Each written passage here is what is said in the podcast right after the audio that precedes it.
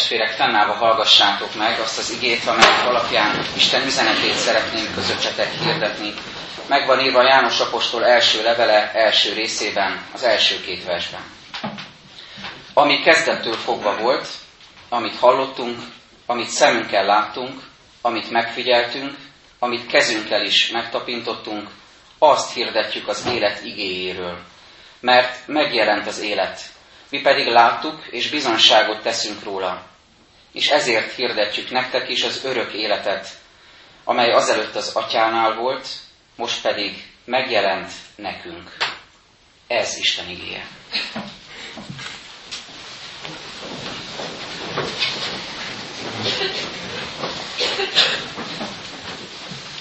Nagy szeretettel köszöntöm a gyülekezetet, öröm mindannyiunk számára. Remélem, hogy együtt örvendezhetünk a családi körben eltöltött ünnepi este után, most a gyülekezet közösségében is rácsodálkozhatunk újra a karácsonyi örömüzenetre. Isten különösen gyengét szeretetének a jele az, hogy karácsonykor a születést, az élet megjelenésének a jelét adta hírül az angyal a pásztoroknak, és ezzel üzent, ezzel foglalta össze az evangéliumot, ahogy olvastuk is Lukács evangéliumából, ez lesz a jel, találtok egy kisgyermeket, aki bepójálva fekszik a jászolban. Ő benne fogjátok megtalálni a világ megváltóját.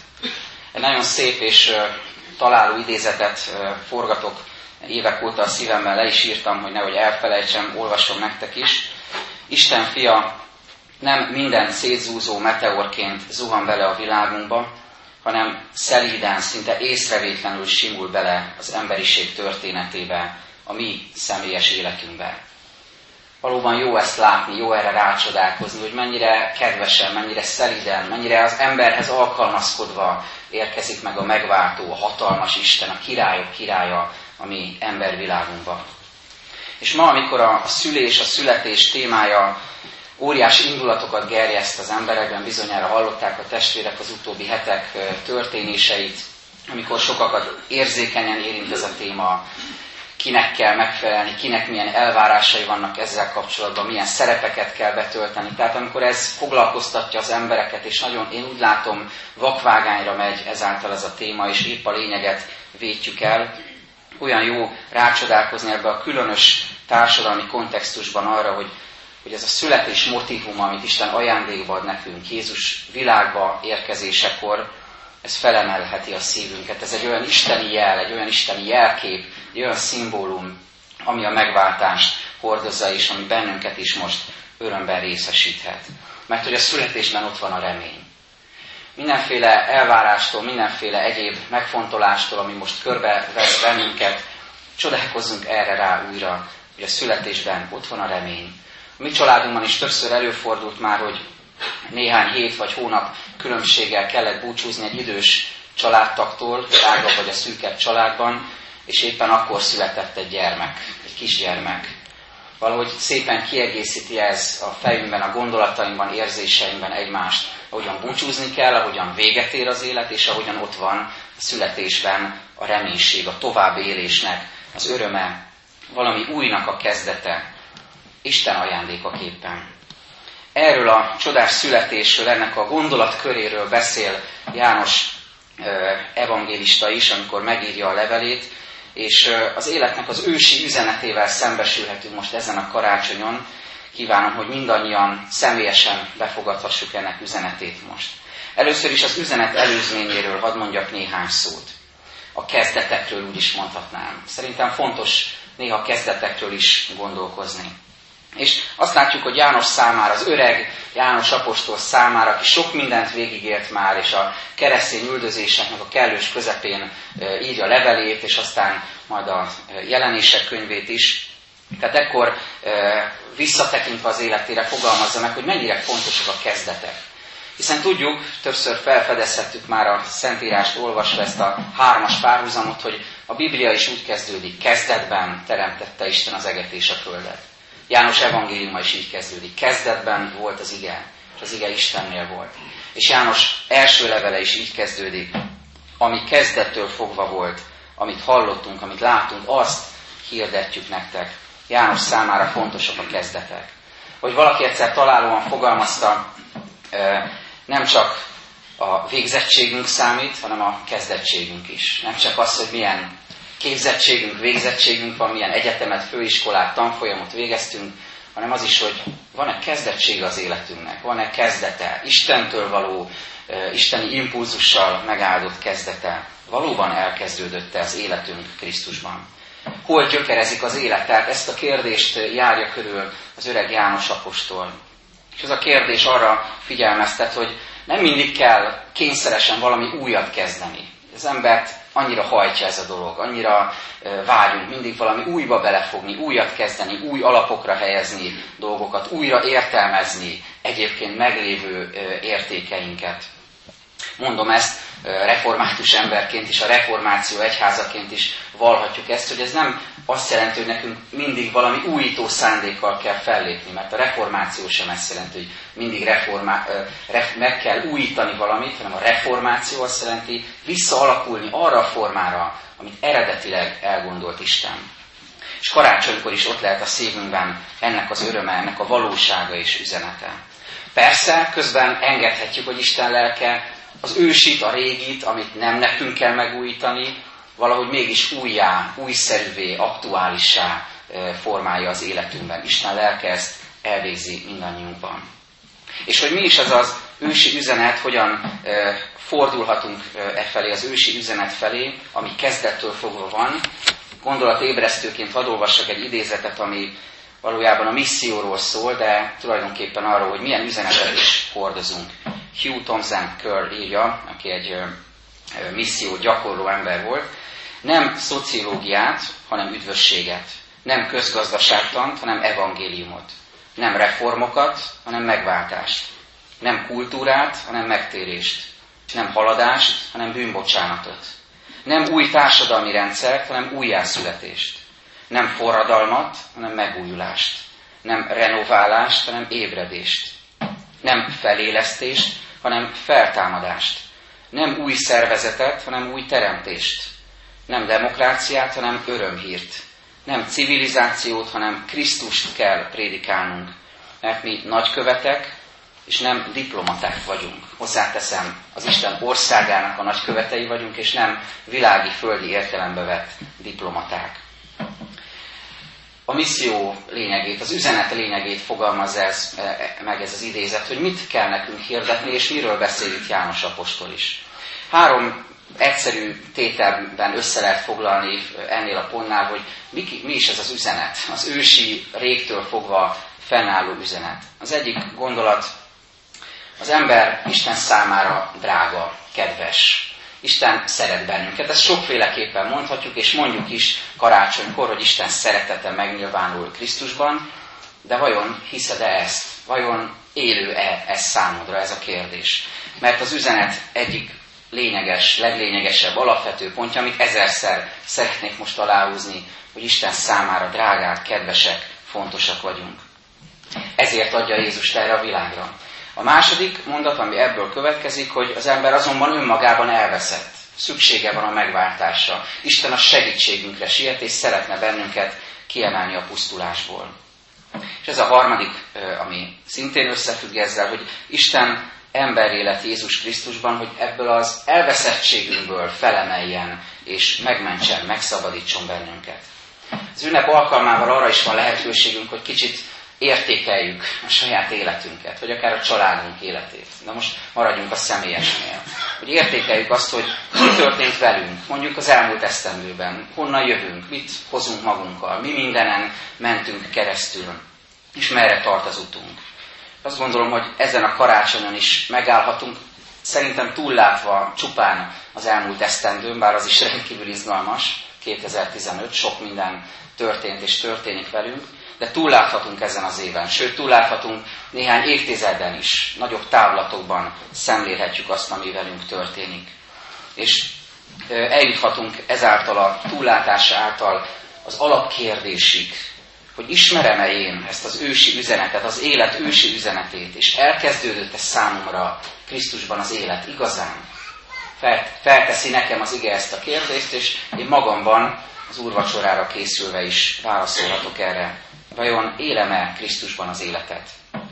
Ez vezet rá igazából a, az üzenet előzményeképpen magára az üzenetre, amit idős, em, idős és bölcs emberhez méltó módon az öreg János apostol nagyon letisztultan, nagyon egyszerűen fogalmaz meg. Sokszor beszélgettem már idős gyülekezeti tagokkal, meg máshol is idős testvérekkel, és mindig megérint az a letisztultság és egyszerűség, amire sokan eljutnak idős korukra életbölcsességben.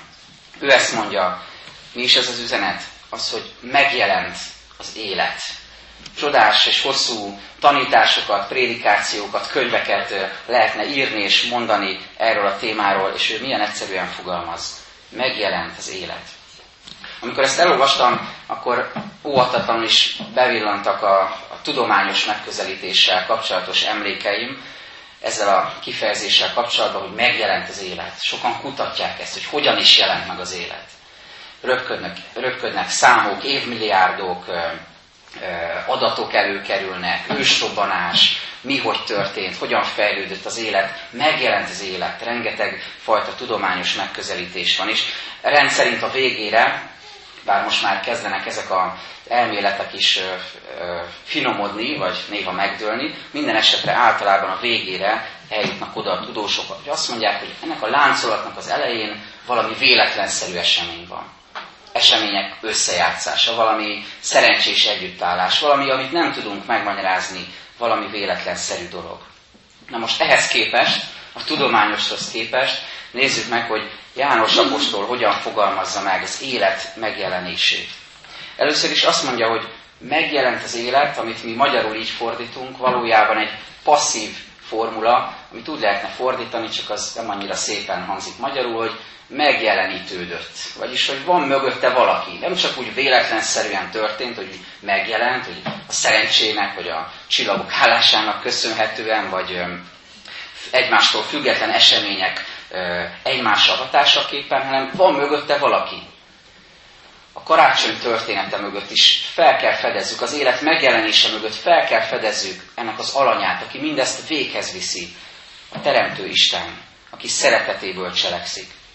Amikor a húsvét szigetek különös kőszobrait figyeljük, talán látták már többen képen, vagy a Stonehenge-et, vagy hasonló építményeket akkor egy rövid gondolkodás után azért azt belátjuk emberi logikával, hogy ezek nem véletlenszerűen keletkeztek. Nem csak úgy véletlen vannak ott azok a kőtömbök, vagy nem a szél, meg a víz, vagy a nap ereje formálta meg ember formájú szoborá azokat a bizonyos alkotásokat, hanem valaki, egy alkotó van mögöttük, valakik alkották ezeket. Az embernek olyan jó lenne rádöbbenni arra, hogy a világ alkotása mögött az élet megjelenése mögött, a megváltás munkája mögött is van valaki, aki mindezt létrehozza, az alanya ennek a folyamatnak, aki maga Isten, aki Krisztusban adja elénk az életet. És még egy szóra hadd hívjam fel a figyelmet, az élet szóra, amikor azt mondja az apostol, hogy megjelent az élet, akkor nem a biosz szót használja a görögből, ami ugye a biológiai létezést jelenti, hogy megjelent az élet, mint hogy a tudósok ezt kutatják, hogy hogyan kerültünk ide, és hogyan fejlődtünk ki, hanem a zoé szót használja, ami rendszerint az élet spirituális tartalmára utal, valami többre, ami több, mint a testi, ami több, mint a látható, ami több, mint a kézzel fogható. Úgy is mondhatnánk, és ez a következő gondolata még ennek a gondolatkörnek, hogy az élet maga Krisztus, nem a kézzel fogható csupán, hanem a hittel befogadható. Sokszor hallottam már azt a kifejezést, valaki azt mondja valamire, hogy ez az életem. Valaki mondhatja ezt egy másik emberre is, kedvesen életem, de mondhatjuk ezt különböző jelenségekre, különböző cselekedetekre. Mondhatjuk ezt egy hobbira, mondhatjuk ezt egy gondolatra, ami fogva tart bennünket, és azt mondjuk, hogy erre tettem fel az életemet. Ez az életem, ezzel töltöm az életem legnagyobb részét. Lehet ez egy vágy, lehet egy cél, vagy lehet egy bálványá vált eszme, ami, amiben annyira bele gubózott valaki, hogy nem tud kitörni belőle. Ez az életem. De negatív érzésekre is lehet ezt mondani. Valakinek egy sérelem lehet az élete. Azzal telik az élete, hogy azt próbálja feldolgozni. Vagy olyan emberrel is találkoztam, akinek az élete a harag, a megbocsátatlanság, aki ezt hordozza magában, és, és ezt tölti ki az életét, és emiatt nem tud igazán kapcsolatokat teremteni és kibontakozni. Ehhez képest mit mond Pál egy börtönből írt levelében, fogságban? Nekem az élet Krisztus, és a meghalás nyereség, mondja ő. Vagyis még ha meg is halnék, akkor is az életem biztonságban, Krisztusi elrejtettségben lenne. Nekem az élet Krisztus. És rögtön hadd mondjam, hogy ez nem elvakultságot jelent, nem bigott vallásosságot, nem rajongó vallásosságot jelent, hogy nekem az élet Krisztus, tehát nekem minden második gondolatom az, hogy Jézus Krisztus, és ezt ki is mondom, tehát nem így értem ezt, nem ennyire szó szerint kell ezt érteni, hanem annak a felismeréséről beszélek, hogy mindazt, amire igazán szükségem van, végső soron Krisztusban találhatom meg. Rengeteg vágyam, rengeteg célom, tervem, elképzelésem, hiányom lehet, de eljuthatok oda, hogy végül szembesülök Jézussal, a megváltóval, és rájövök, hogy benne van a kérdés, benne van a válasz minden kérdésemre, és ő adja meg mindazt, amire szükségem van. És még valami az élettel kapcsolatban, egy jelzőt is használ János, azt mondja, örök élet. Hirdetjük nektek az örök életet, mert megjelent az élet. Ez a kifejezés azonban számunkra sokszor a jövőre vonatkozik éljük a földi életünket, és örömet okoz számunkra, hogyha hiszünk Jézusban, akkor örök életünk lesz. Az eredeti szöveg szerint, meg a teológiai gondolat szerint az örök az nem csak a jövendőre vonatkozik, hanem a múltra is, valami ősire, ami öröktől fogva létezik, ami mindig is volt, ami ott volt Isten elképzelésében, szívében, gondolataiban, tervében, és most előttünk áll, megjelenik az élet, az örök élet, egy adott pillanatában előttünk áll az Isten által adott élet.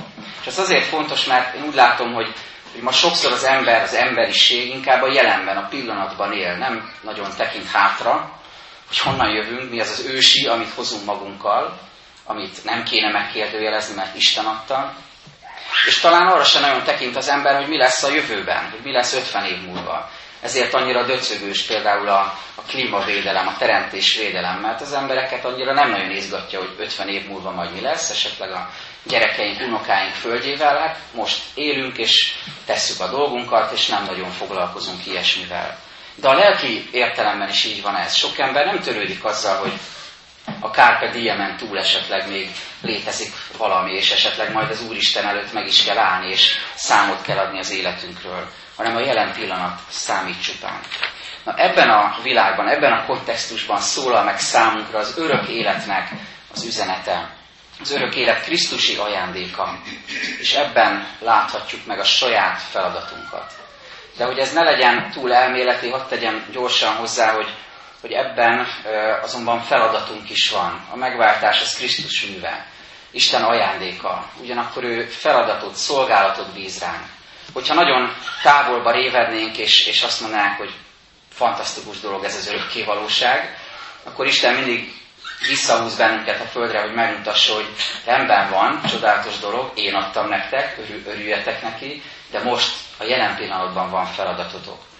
És hogy hogyan, arra, azzal kapcsolatban olvastam egy történetet, csak egy pár részletét hadd hozzam elétek. Egy fiatal ember egy nagyon különös álmot látott, egy boltba, egy üzletbe vetődött el, ahol egy angyal volt a pult mögött az elárusító, és ezt kérdezte tőle, Uram, mit szeretne vásárolni? Az ifjú kérdéssel felelt, mi mindent lehet itt venni? Minden jót, amit csak akar, hangzott a meglepő válasz. No, én sok mindent szeretnék megszerezni, mondta a fiatalember. Először is a világon legyen vége minden háborúnak. Aztán ne éljen senki egyik országban sem.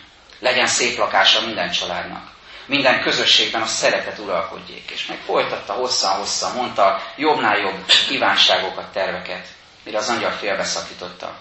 Bocsásson meg, kedves fiatalember, talán félreértette, vagy rosszul olvasta el boltunk feliratát.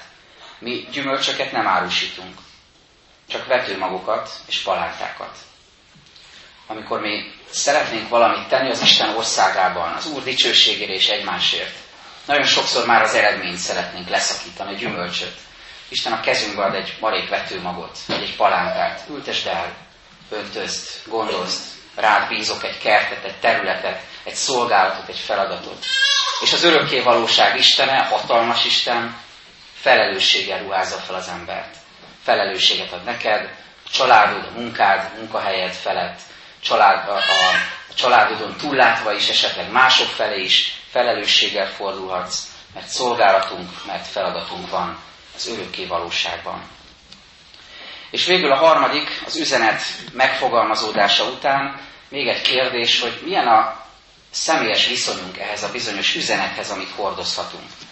Különösen fogalmaz az öreg János. Azt mondja, mi látjuk, mindazt, amit eddig mondtunk, mi látjuk, hogy megjelent az élet, és hirdetjük nektek. Elsőre talán fel se tűnik, hogy mi a furcsa ebben. De hogyha lecsupaszítom arra, hogy mint hogyha azt mondaná János, hogy mi és ti, akkor ez már talán szívelít bennünket. Mert abban a világban, amiben élünk, éppen ez az ember tragédiája, hogy mindig van egy mi, meg mindig van ti. Mindig van megosztottság. Nyugat és kelet, észak és dél, fekete és fehér, szegények és gazdagok, jobb és bal, és lehetne még egy csomót mondani, nem akarok ebbe mélyebben belemenni, de érezzük, benne élünk, mindig van megosztottság. És a megosztottság emberi szinten a világ veszte, egy családnak a veszte lehet, lehet egy nemzetnek a veszte, lehet az emberiségnek is a veszte és tragédiája. Amiről azonban János beszél, az valami egészen más. Bár látszólag megosztottság, inkább mégis a megosztottság felszámolásáról szól. Mert azt mondja, hogy amit mi láttunk, ahogyan mi érzékeltük az életet, azt mi szeretnénk megosztani veletek. Mi szeretnénk ezt átadni nektek. Nem gőgösen, nem fennhéjázó módon, nem természetes módon, mert ez a küldetésünk. Mert Jánosban nincs gőg, amikor fogalmaz, nem csak alázatos üzenethirdetés és annak a készsége. Nincs benne gőgös ítélkezés, ez nagyon fontos. Sokszor megkísért ennek a bűne minket. Most ezt az Úrhoz, az Úr asztalánál letehetjük, hogyha van ilyen az életünkben. Gőgös ítélkezés. Körbenézünk, látunk egy másik népet, egy másik kultúrát, egy másik embert, a szomszédunkat, egy ismerősünket, egy gyülekezeti tagot, és csípőből tüzelve ítélkezünk fölötte. Ő ilyen, ilyen jó, hogy én nem vagyok olyan. Ettől a gőgös ítélkezéstől megment bennünket az alázatos üzenethirdetés. De megment bennünket attól is, hogy lemondóan nyilatkozzunk a másikról. A lemondás ez a missziónak a halála, a missziói lelkületet írtja ki az ember szívéből. Amikor valakire úgy tekintesz, hogy úgyse fog megváltozni, úgyse fog megtérni, úgyis kár neki bármit mondani. Isten soha nem mond az emberről. Éppen ez a karácsony öröme. Nem mond le rólunk, hogy küldi az ő követét, küldi Jézust ebbe a világba, hogy felrázzon bennünket, és megmentsen. Mi sem mondjunk le egymásról. De megóv bennünket ez a Jánosi missziói lelkület a közöntől is. Nemrég szemtanúja voltam a szénatéren a következő jelenetnek, autóban ültem, és láttam, hogy a villamos sineken egyébként zöld jelzésen próbál áthaladni egy fiatal ember, akinek fülhallgató volt a fülén, nyilván valami jó kis zenét hallgatott. A zebra másik oldalán idős néni állt, amit a fiatalember azonban nem látott, hogy a villamos mögül lépett ki, hogy a villamos sineken ezerrel közeledett egy mentőautó. De ott volt csak hely, szirénázva jött, de a fiatalember nem hallotta a fülhallgató miatt. A néni gyorsan elkezdett neki integetni, hogy maradjon ott, nehogy átjöjjön. Fiatalember nem értette, nézte a lámpát, zöld van, hát elindult, és jobbra benézett, azért ért a gyanúperrel, és látta, hogy közeledik a mentő. Éppen még megúszta, nem csapta el a mentő arra gondoltam, hogy mennyiszer vagyunk közönöseken egymással. Mondhatta volna a néni, hogy hát majd biztos látja a fiatalember, hogy nem kéne átmenni a zöld jelzés ellenére, mert jön a mentő és veszély van. Hányszor gondolkozunk így? Hogy minek szóljak, minek ártsam bele magamat mások dolgába, minek avatkozzak bele, akár családi körben is. Vagy mindenki megoldja a maga életét. Ez a missziói lelkület a közöntől is megóv, hogy hirdessük az élet megjelenését és végül a szeretetlen hozzáállástól is megóv. Emlékszünk talán Jónás próféta történetére, aki végül eljut Ninivébe, bár először az ellenkező irányba indult el, de amikor a ninivejek megtérnek csodák csodájára, az ő prédikációjára, akkor elgondolkozik, és mint hogyha azt a gondolatot formálgatna magába, hogy azért ez nem igazság, de ezek bűnös emberek, és most Isten megkegyelmezett nekik. Igaz, hogy ez volt az ő feladata, de mégis elcsodálkozik rajta, hogy Isten kegyelmes volt más emberekhez. Amikor mi szeretetlenül nézünk másokra, és nem adunk nekik esélyt, akkor ilyenek vagyunk kicsit, mint Jónás, hogy elcsodálkozunk azon, hogy más is megtérhet, más is megváltozhat, másnak is kinyílhat az élete Isten felé. Na hát, mindezekből szabadít meg bennünket az Úr akkor, amikor alázatos üzenet hordozóvá, hirdetővé formál bennünket lehetünk ilyen hűséges tanulja az Úrnak. Mert azt a szót használja itt János az eredetiben, hogy mártír, ami nem csak vértanút jelent, aki konkrétan a vérét áldozza Krisztusért, mint ahogy ma sokan a világban keresztény testvéreink, hanem a mártír az tanút jelent. Olyan embert, aki tanúskodik. Olyan embert, mint amilyen például Schweitzer Albert volt, akitől egy riporter megkérdezte Afrika közepén, ahol ugye egy kórházat is, vagy több kórházat is létrehozott, például a leprások számára a riporter megkérdezte tőle, hogy mit, mit, hogyan tudná összefoglalni a hitét. És akkor szinte szavak nélkül csak így körben mutatott. Nézd meg, hogyan tudom összefoglalni hitemet. Milyen jó lenne, hogyha nem gőgösen, hanem tényleg alázatosan és Istenre mutatva így végigmutathatnánk az életünket, az életünk szereplőit. És ha valaki megkérdezi, hogy foglald össze a hitedet, akkor csak ennyit kéne tenni. Nézd meg, hogyan élek. Lehet, hogy elbukom néha, de bocsánatot nyerek. Lehet, hogy nincsenek mindig rendben az útjaim, de tudom a helyes irányt, mert Krisztus mutatja azt nekem. Nézd meg a hitemet, és nézd meg Istent legfőképpen. Az utolsó gondolat, amit elétek hozok, eh, olvastam, hogy a második világháború végén az egyik frankfurti eh, templomban sok szobor megsemmisült a támadások következtében, és az egyik Krisztus szobrot helyreállították, próbálták összerakni, darabjaira hullott, de a kezeit nem találták, nem voltak ma a kezek, vagy megsemmisültek, de végül a helyére tették ezt a Krisztus szobrot így kezek nélkül is, és ezt a feliratot írták alá, Krisztus keze a mi kezünk, ami kijelöli az irányt, ami kijelöli a feladatunkat, ami kijelöli a folytatást, hogyha megjelent az élet, és valóban megjelent az életemben, akkor az én kezeimen, az én számon, az én szívemen, az én életemen keresztül megy tovább az élet, mert Krisztus maga az élet. Amen. Testvéreim, most az úrvacsorai közösségünkre készülve énekszóval adjunk hálát az Úrnak, és így készüljünk imádságban. A 182. dicséretünket énekelve, mely úgy kezdődik karácsony ünnepében, és kérjük, hogy aki ez alkalommal nem kíván az úrvacsorával élni, ő is maradjon együtt velünk, hogy a végén együtt vehessük Isten áldását.